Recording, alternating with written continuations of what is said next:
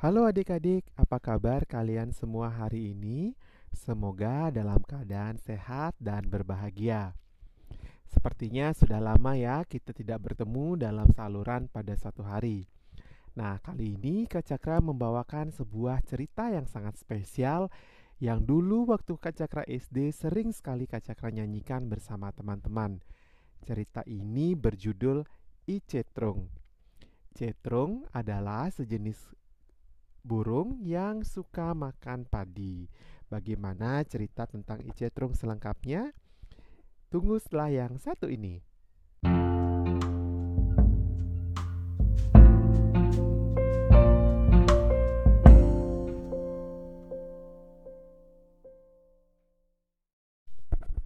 Pada zaman dahulu kala, di sebuah sawah yang sangat luas, ada sepasang burung cetrung yang membuat sarang di sana.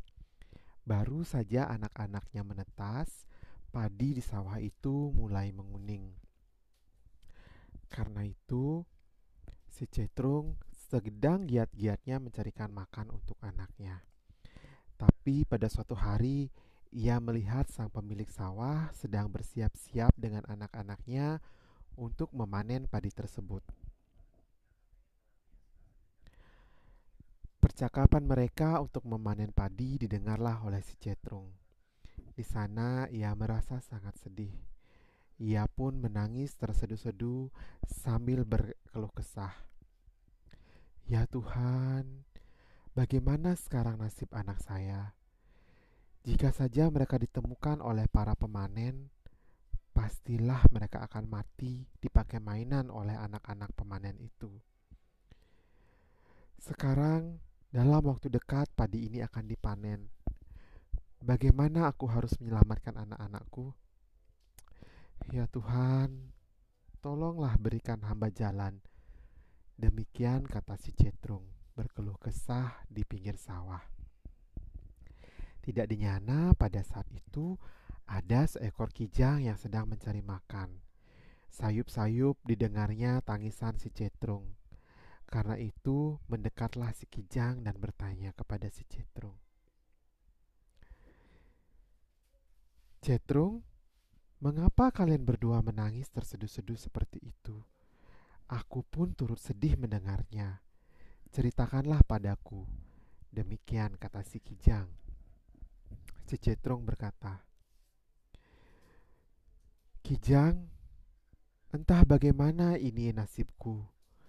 Besok pemilik sawah Pak Brangkus akan datang ke sini untuk memanen. Kau lihatlah di sana sarangku.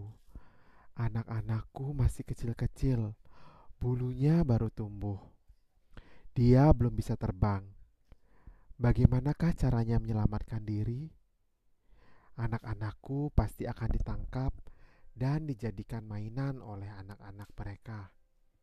Sudah pasti mereka akan mati. Demikian kata si Cetrung menangis pada si Kijang. Si Kidang lalu berkata, Cetrung, tenanglah, aku akan membantumu. Besok pada saat mereka memanen padi bersiap-siaplah dirimu. Rawatlah baik-baik anakmu. Serahkan padaku semuanya, maka mereka akan selamat. Demikian kata si Kidang. Besoknya pagi-pagi sekali Pan Brangkus dan anaknya si Brangkus beserta istri dan beberapa orang yang membantu mereka untuk uh, memanen padinya sudah bersiap-siap di pinggir sawah. Pada saat itu, si Kijang mulai mendekati mereka dari dari jarak yang aman.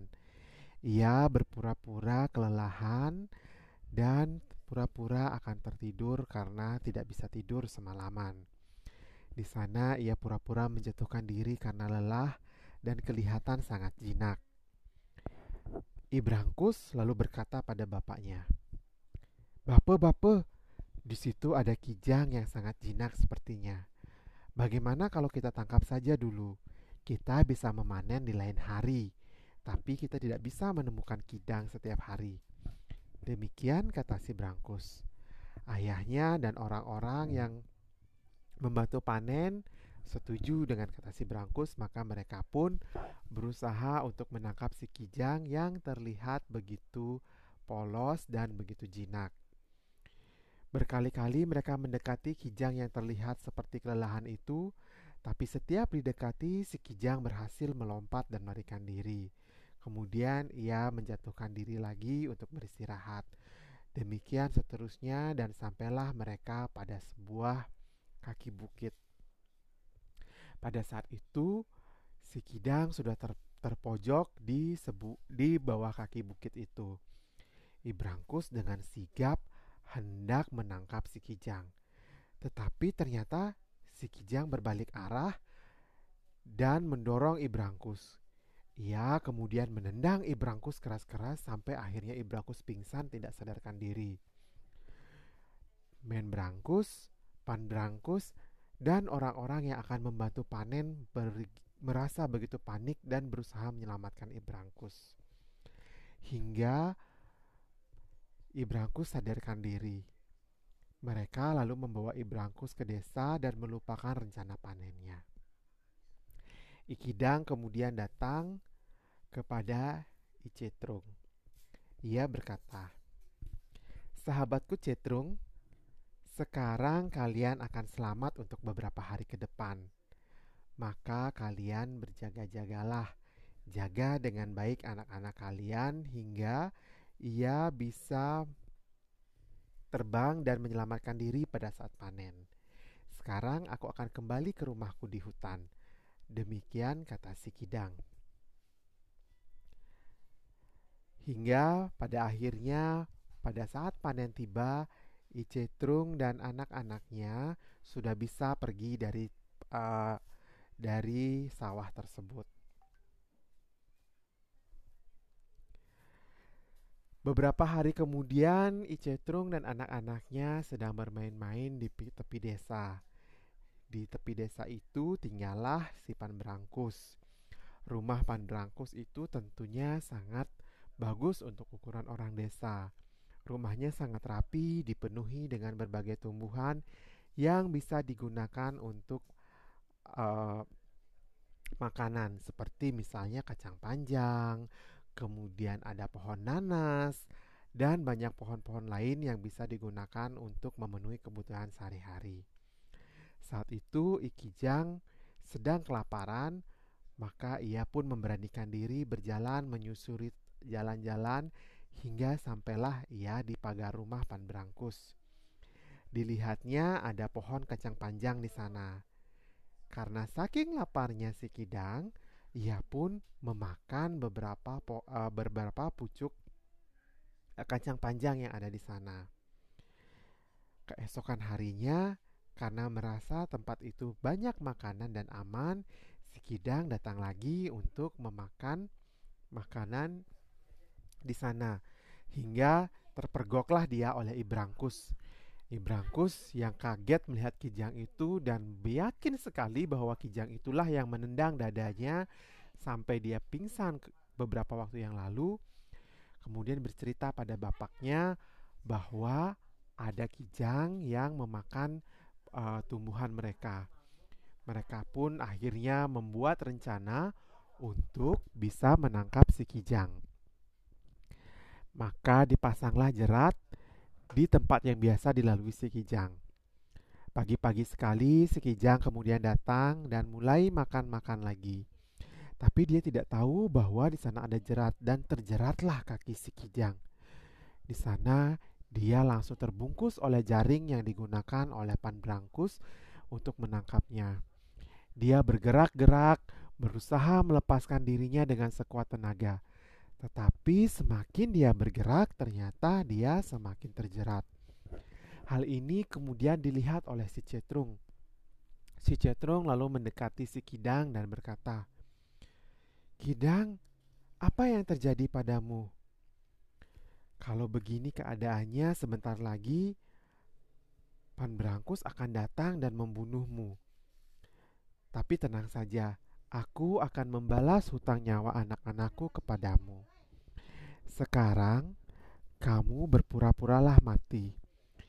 Tarik semua udara yang ada di sekitarmu sekuat tenaga dan buatlah perutmu menjadi kembung seperti seolah-olah kamu sudah mati.